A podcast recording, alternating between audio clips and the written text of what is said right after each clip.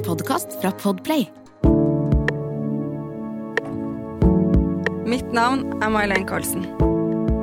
3. juli 2020 fikk jeg en telefon som endret alt. Thomas, min kjæreste, far til våre to barn, har fått føflekkreft stadig fire. Dette er min historie som pårørende på venterommet. Ny uke, nye muligheter. Det er eh, klart for en eh, ny episode. Og jeg vet jo at vi alltid sier til deg, Marlen, liksom, hvordan har det gått med deg, og får litt sånn oppdatering fra deg. Men denne gangen kupper jeg det. Ja, det er helt greit. Fordi at for meg så opplevde jeg noe meget dramatisk denne uken. Og det er vel kanskje mer dramatisk at jeg har skjønt at jeg har et problem. Fordi det som skjedde, var at eh, jeg nøyt eh, finværet og var på båttur. Mistet telefon på 17,5 meters dyp. Den er død. Eh, jeg hadde ingen forsikring som dekker ting som blir helt, helt borte, borte. Så jeg brukte masse, masse, masse penger på å få meg en ny telefon. Og jeg kjente virkelig på en desperasjon når jeg ikke hadde telefon. Jeg var sånn tre-fire dager uten, og når jeg hadde fått telefonen igjen, så ringte jeg liksom til nære og skjære og bare 'Jeg er tilbake. Jeg lover. Nå er jeg tilbake.' Og de bare 'Har du vært borte?'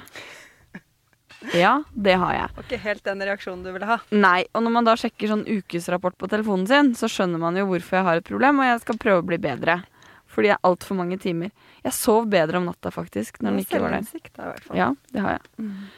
Men når vi har denne podkasten som er for pårørende, så er det også viktig, kjenner jeg personlig, å snakke om noe eh, som vi kan gjøre noe med for å unngå kreft. Mm. Og det er sjekk deg. Livmorhalsprøver, og utføre de. Fordi Jeg vet ikke om det er fordi du har lyst til å være lik som meg og må liksom ha det samme som meg, men vi begge har jo hatt celleforandringer som har gjort at vi begge har utført kondiseringer. Det er faktisk sånn i Norge nå at 400 000 kvinner ikke følger det livmorshalsprogrammet vi har, og 200 000 av de har ikke tatt celleprøver på ti år eller mer. Det er helt vilt. Det er helt vilt, og det som er faktisk enda mer alarmerende, er at ni av ti som dør av livmorhalskreft, har aldri tatt celleprøver. Det er ikke greit. Og hvis noen hører på oss her, vær så snill, gå og sjekk deg. Det er ingen som syns det er kult å ligge i den stol, opp med bein, få den der beskjeden litt lenger ned, gidder du. Litt lenger ned, og du føler at du liksom Hei, Du er på utstilling. Du er på utstilling. Hei, hei, her er jeg. Men uh, vi har faktisk en mulighet til å unngå kreft, da. Vi har en mulighet til å sørge for at vi ikke får det. Og det er så mange krefttyper som uh, florerer der ute, at hvis det er noen vi kan unngå, så må vi gjøre noe. Vi må ta grep. Du ikke, kan ikke du helt fortelle litt om din historie, for du har jo også gjort det. Ja, eh, jeg var faktisk hos gynekologen i går. Ja. Eh, For jeg går en gang i året etter at jeg hadde celleforandringer og måtte kondisere. Så var man jo først da hver tredje måned, og så hvert halvår. Og så nå går jeg en gang i året. Jeg må ikke det, men jeg syns det er en trygghet i seg selv. Og jeg går til eh, en gynekolog som på en måte er Altså hun er gynekolog, da. Mm. Det er ikke fastlegen. Når jeg var yngre, så gikk jeg til helsestasjonen, for det også er jo et alternativ. Men jeg vil absolutt anbefale å gå til gynekologer eh, som jobber kun med det. Eh, og der eh, fikk jeg jo da svar, det var vel i 2016, så hun vel på papirene jeg var der i går. Eh, og da var det celleforandringer, og da måtte jeg jo inn eh, da og kondisere. Eh, og det som faktisk skjer i mitt tilfelle, da, eh, da har jeg da gått et år etter jeg fødte Line. Og så setter, har jeg da spiral, og den trenger de ikke å ta ut når du skal kondisere. Så det var jeg veldig glad for. Kroppen hadde akkurat vent seg til denne spiralen. Det begynte liksom å Mensen hadde jeg ikke lenger. Eh, det begynte å bli bra. Og så i siste Det høres fælt ut å si jafs, men det er litt Beklager litt sånn det er. Men de bruker faktisk en slynge Ja, det gjør det. for å, å brenne Ja. ja. Og i siste jafs der med den varmeslynga, så sier hun å nei. Der datt spiralen ut. Så jeg måtte vente en måned, og så fikk jeg en ny spiral. Eh, men eh, veldig Det er jo helt fantastisk at de faktisk kan gjøre det her. Mm. Eh, og nå har jeg ikke hatt noen celleforandringer etter å ha konisert. Nei. Og det er jo helt fantastisk at det Da har du, du har på en måte unngått, uh, unngått uh, neste kreft. skritt, Mm. som er kreft. Og Mm. jeg hadde jo det samme, du Ja. også i 2016. da. Mm. Jeg ble kondisert første gangen. Mm. Da hadde jeg to barn. Og det er sant som noen sier at uh, det å kondisere kan være farlig for for tidlig fødsel osv., men det, du har et valg om å forebygge kreft eller ikke. Da, da tar du en sjanse. Og jeg hadde fått to barn, og jeg skulle ikke ha flere. Jeg var veldig klar over det. Når yngstemann veide fem kilo når han ble født, så var jeg klar over det. Og det som eh, da skjer, er jo at de, de kondiserer meg. Eh, ironisk nok så er jeg på kreftvidereutdanning dette året. Og jeg eh, får en telefon i, når jeg er i praksis om at eh, de har ikke klart å ta nok. Jeg må inn igjen på nytt, og jeg må inn før uka er omme. Dette var en tirsdag. Og jeg kjente da Det jeg sier til pasienter, det jeg sier til eh, venner og bekjente, ta rolig, gjør og gjør, jeg gjør stikk motsatt. Jeg går i skrik inne på eh, sånn eh, håndklerommet på sykehjemmet. Og så sier jeg til hun dama 'Jeg sa jo at dere bare kunne ta så mye dere ville!' Og så sier hun 'Vi brukte den største slynga!' og jeg bare 'Faen!' OK. Og så var det inn igjen, og det var tre runder med kondisering. Definitivt ikke en, en opplevelse som jeg unner noen å gå gjennom det heller. Men det kan ikke sammenlignes med å få kreft. Nei. Og da tenker jeg at det står man i. Jeg betaler 1500 kroner i året for å gå til gynekolog. Mm. Det er en billig forsikring når jeg kan unngå å få kreft. Og jeg har også tatt de HPV-vaksinene Mm. som man kan få, som er tre sprøyter man kan ta. Det koster penger, det òg, men det er spørsmål på en risiko jeg ikke kan måle opp, for jeg kan ikke vite om en tredjedel av oss får kreft. Og det kan like gjerne være meg. Så hvis jeg kan gjøre noe for å unngå, så gjør jeg det, og det er det verdt. Eh, Det er eh, Jeg har hatt HPV-viruset, men så lenge det er borte, så kan du ta denne vaksinen. Og HPV alene gir deg ikke kreft, men det er én av flere deler som gjør det. Og derfor så har jeg gjort det jeg kan. For det er ikke noe godt å sitte med en følelse av at kunne jeg gjort noe mer? Og det har jo du og jeg snakket litt om når det gjelder din mann. Mm. Fordi Thomas fikk føflekkreft. Og Thomas kjente jo på kroppen at eh, det var noe. Du kan jo fortsette litt der, fordi han kjente jo en, noen flekker på Det var litt vi snakket om, det var jo ikke sånn typisk en føflekk som endret seg. Men det ble noen flekker på halsen, og det blir litt den derre ubehageligheten å skulle ringe til lege, skulle ringe til helsevesenet Ja, etterpå. Ja, fordi han eh, Det var jo, som du sier, ikke en eh, direkte vanlig føflekk. Det var liksom noe småflekkete, og så vokser det etter hvert en kul i dette området. Eh, men han trodde det på en måte nesten var en kvise, Mm. typ. Eller jeg tror faktisk på et eller annet tidspunkt han ba meg ta med noe skalpell hjem, så han kunne snitte i det selv. Ja. Alt for ikke gå til legen. Han har da. jo hatt, altså Det skal jo sies at på den andre siden året før eller sånn, så hadde han jo en sånn Jeg elsker jo Dr. Pimple Popper, Ja, det må jeg bare si. Så han hadde jo en sånn Pimple Popper som de tok da. Mm. Ikke noe problem, ferdig snakka. Så vi tenkte jo at eh, det var det samme på den andre siden. Eh, så derfor så tenkte han å ikke dra til legen med det. Men eh, han har jo en søster som eh, fikk eh, melanom for fire år siden. Og den var heldigvis oppdaga tidlig, da, så det gikk veldig bra. Men han Så det tok litt tid, og det var jo Jeg så jo denne halsen hans hele tiden, og burde jo egentlig ha pushet han til legen før. Mamma til og med kommenterte også det at å, vi burde ha fått han til legen før. Men han er jo en mann, og han bestemmer jo over sin egen kropp. Og etter hvert da skjønte jo han at ok, jeg må kanskje sjekke dette opp, da. Og det tok jo også litt tid fra når han på en måte fant ut at han skulle sjekke det opp. Så gikk han jo til fastlegen sin, og så sier fastlegen Du må stoppe meg, Mailen, hvis jeg sier feil nå. eh, Men du, han gikk til fastlegen sin, og så sier fastlegen Nei, denne kan ikke jeg ta på kontoret. Fordi den var for stor da, til at han ville utføre det på kontoret. Og da hadde jo Thomas forsikring gjennom jobb som gjorde at han kunne gå privat og gjøre det. Og da dro jo han og gjorde Han dro jo selv til denne klinikken og gjorde det alene. Ja, det stemmer. Eh, og der, der eh, sa han, eh, eller når han tok og fjernet den der, så sier jo egentlig legen at denne ser bra ut. Eh, kom tilbake om en uke, så skal vi ta, sjekke stinga. Mm. Så, men de sender jo inn til biopsi, for det gjør de jo på alt. Det er. Ja, det er obligatorisk. å gjøre for å Ja. være helt sikker. Men han var jo veldig positiv, denne mannen. Og dette var jo en onsdag eller torsdag, og så dro vi på hyttetur den helgen. Ja. Hvor egentlig broren din skulle gifta seg, men da ble det liksom hyt hyttefest istedenfor. Og det var en veldig gøy fest, og vi fikk liksom det så gøy. Det var så bra. Vi hadde, det var jo på brygga da på Sørlandet, ved vannet og god stemning. Nydelig Thomas vær.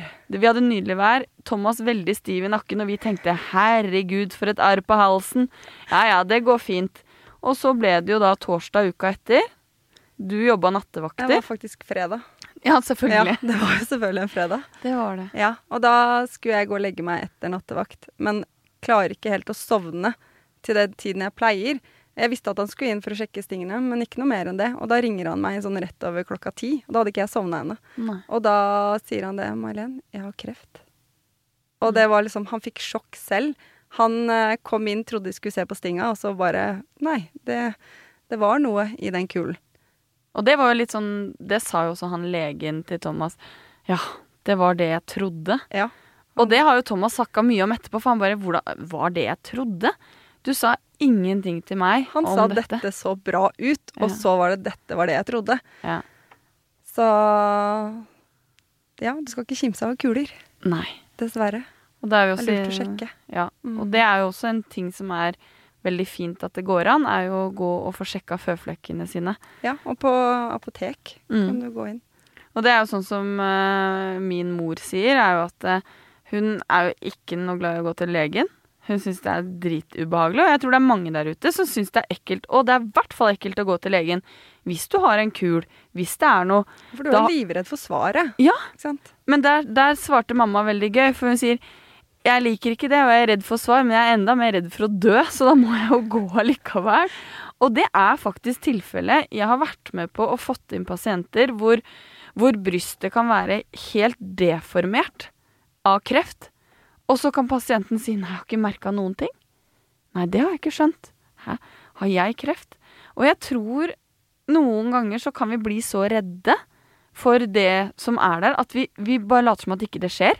At det, dette skjer ikke med kroppen min. Fordi vi er veldig redde, og jeg tror det er det som er viktig med dette vi snakker om nå, da. Det vi kan gjøre noe med, det må vi bare gjøre noe med. Fordi den kreften, hvis, det er det man har, så blir den ikke borte. Det går ikke an å bare liksom late som at du er ikke der, og da er den ikke der. Da reverserer ikke seg selv. Nei, det gjør ikke det. Nei. Og da, og da starta jo også veien for dere etter den fredagen, da, selvfølgelig. Ja, selvfølgelig. Og det er jo litt sånn, den her var jo stadie fire, Mm. så hadde man på en måte vært tidligere ute da. Mm. Så kunne man på en måte ha fjernet den føflekken. Kanskje eventuelt nærliggende lymfer, og så hadde man på en måte stoppa sirkelen der. Mm. Så Og det er ikke en god følelse. Du, du har det ikke godt med deg selv fordi man Jeg har kjente jo på dårlig samvittighet også. Fordi at det, han ser jo ikke sin egen nakke. Mm. Så jeg følte jo veldig på det at jeg burde jo ha presset han mye før. Mm. Men det er jo ikke så lett, da. Du kan ikke det, det, Jeg skjønner at du tenker det, og jeg tenker Det var mine tanker da. Ja, Mm. og det er viktig at vi rundt kan anerkjenne at jeg forstår at du tenker det, men jeg beklager. Det er ikke noe du kunne ha gjort. Nei, jeg vet det. Det var, det var, ikke, det var ikke sånn det var. Nei. Men, eh, men man har lært av det nå, og det er også en av grunnene til at Thomas ønsker ikke å høre på denne podkasten. Mm. Han har ikke gjort det ennå, i hvert fall. Men han støtter oss i å ha den. Mm. Og han ønsker at vi skal snakke om det. Han ønsker at vi skal oppfordre folk om å smøre seg med solkrem Ja. når de er på stranda. Mm. Vi passer mye på det, på oss, på ungene, på de rundt. Og jeg tror jo det er hans måte å gjøre en forskjell nå, er at vi får lov å bruke denne kanalen. Og du får bruke dette som din ventil, da. ja, det blir litt sånn psykologtime. Mm. Mm. Det funker som det, egentlig, altså. Ja. Eh, og han vet også at dette er på en måte min side av historien. Det er jo ikke hans fortelling, det er min. Mm. Eh, og det også tror jeg var litt lettere for han, at ikke jeg snakker på hans vegne. Det, det er jo selvfølgelig enkelte situasjoner jeg snakker for han på et vis, men det er jo likevel min historie, da. Mm. Og min side av det som pårørende. Og det er jo det vi ønsker, fordi sånn som vi har snakket om nå, med tanke på at vi er i en pandemi, så har Thomas blitt ivaretatt på sykehuset. Thomas får telefonene fra sykehuset. Mens pårørende som står i det, blir ikke sett i nærheten av det de ble tidligere. Og jeg tror at selv om vi har tatt bort den biten i helsesystemet nå pga. hvordan ting er, som vi også forstår, men det har jo ikke vært sånn at den biten av helsevesenet ikke har trengtes. Den har jo vært veldig viktig, og den har blitt borte. Mm. Og det tror jeg er viktig at vi nå, når vi begynner nå å bygge oss opp igjen, eh, ikke glemmer hva det betyr av viktighet at vi snakker med pårørende. For det er, eh, det er dere to med barna deres som har fått kreft i familien. Ja.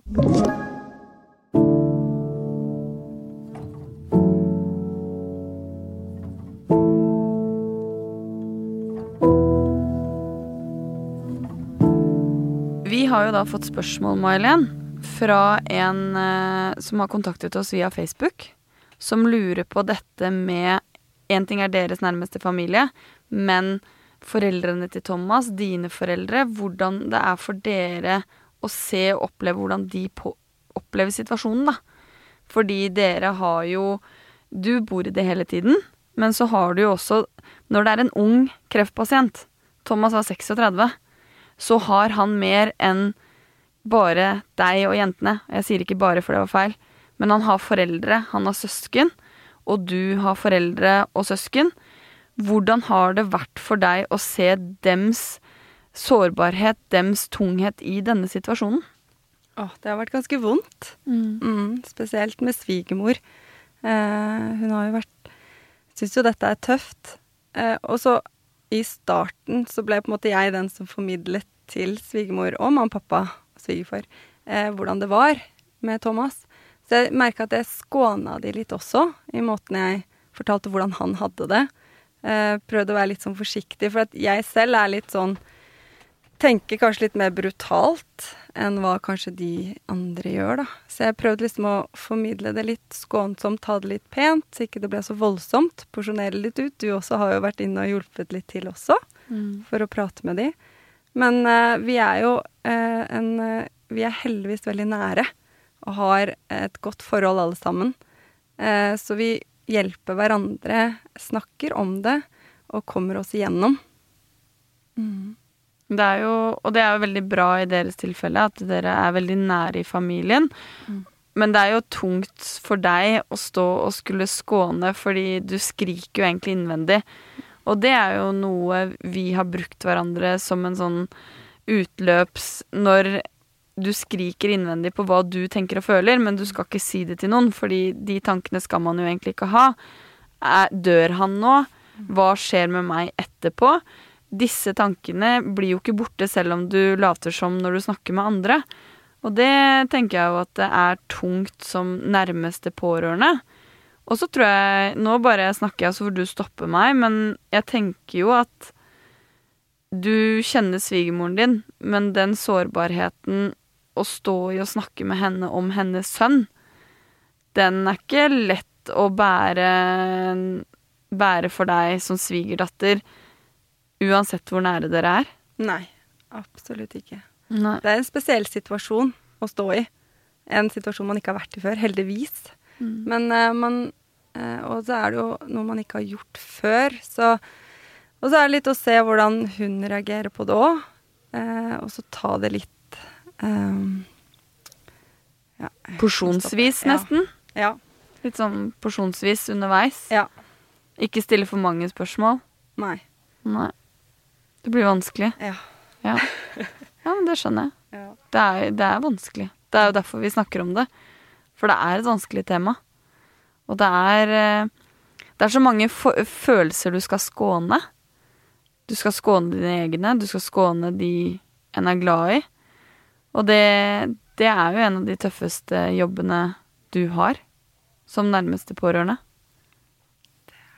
Det Ja. ja. Men det er lov. Ja. Det er jo kanskje det som har vært tyngst. Mm. Altså ved siden av selvfølgelig sine egne. Men det blir så mye følelser. Eh, redd for å si noe galt Mm. til de andre, da. For jeg ser jo hvordan Hvis jeg blir begynner Jeg ser reaksjonen hvis jeg kanskje er litt brutalt ærlig. Eh, så da trekker jeg meg litt tilbake, og så gir jeg dem heller den eh, mer skånsomme versjonen, da. Så får jeg heller sitte med det selv. Fordi vi takler jo ting forskjellig. Eh, og jeg tror at håp er så viktig da. Og jeg følte at jeg kanskje tok vekk håpet når jeg, hvis jeg blir veldig ærlig på det, hvordan jeg føler det, da. Så det er liksom noe med å tillate at de får ha det håpet og den eh, De tankene Mm. rundt det selv. Og så får heller jeg ventilere et annet sted, Mm. hvis du skjønner. Jeg er skjønner veldig forklare. Jeg skjønner veldig godt hva du sier nå. Jeg ser det for meg, og jeg tenker at din ventilering har jo vært meg. Og så tenker jeg at du tenker på en veldig riktig måte, samtidig som den er jo ikke riktig egentlig for deg som menneske. Det blir en ekstra byrde på deg. Det du sier om håp, er noe jeg har bitt meg veldig merke i i min jobb. Fordi vi hadde et foredrag med en prest en gang, på Bærum, og hun sier håpet er der alltid. Og så kjente jeg med en gang hun sa det, kjente jeg at jeg ble liksom forbanna. Så bare, det er tull. Hvis noen får beskjed om at de skal dø, så er håpet borte, liksom. Du kan ikke stå der og si det. Men så følger hun opp med å si at håpet er der alltid, men håpet endrer seg. Når du er frisk, så håper du å leve et friskt og langt liv. Når du blir syk, så håper du å bli frisk. Og når du blir, får beskjed om da, at du ikke blir frisk, så håper du å leve lengst mulig med sykdommen. Hvis du får beskjed om at du skal dø, så håper du å dø smertefritt. Så håpet er der, men det bare endrer seg. Og vi mennesker, vi har en sånn veldig fascinerende evne til å tilnærme oss den situasjonen vi er i. Tilegne oss, da, og, og på en måte være i den. Og jeg tror på at den måten du har gjort det, har vært veldig riktig på mange måter. Samtidig som at kanskje man skal utfordre de rundt også. Fordi du blir utfordret hele tiden. Kanskje man skal utfordre litt mer, da. På de følelsene dem også har. For kanskje man sprekker en byll.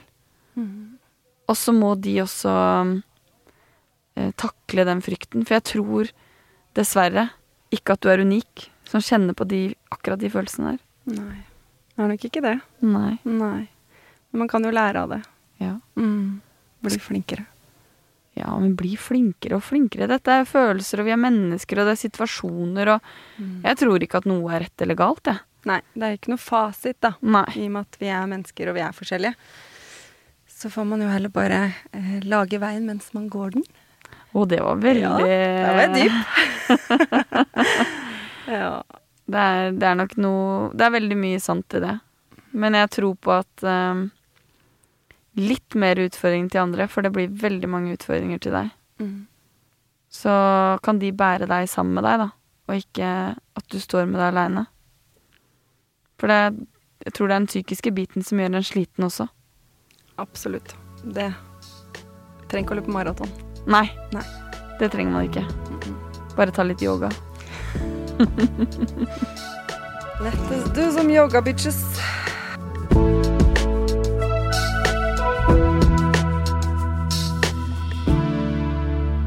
Du har hørt en podkast fra Podplay. En enklere måte å høre podkast på. Last ned appen Podplay, eller se podplay.no.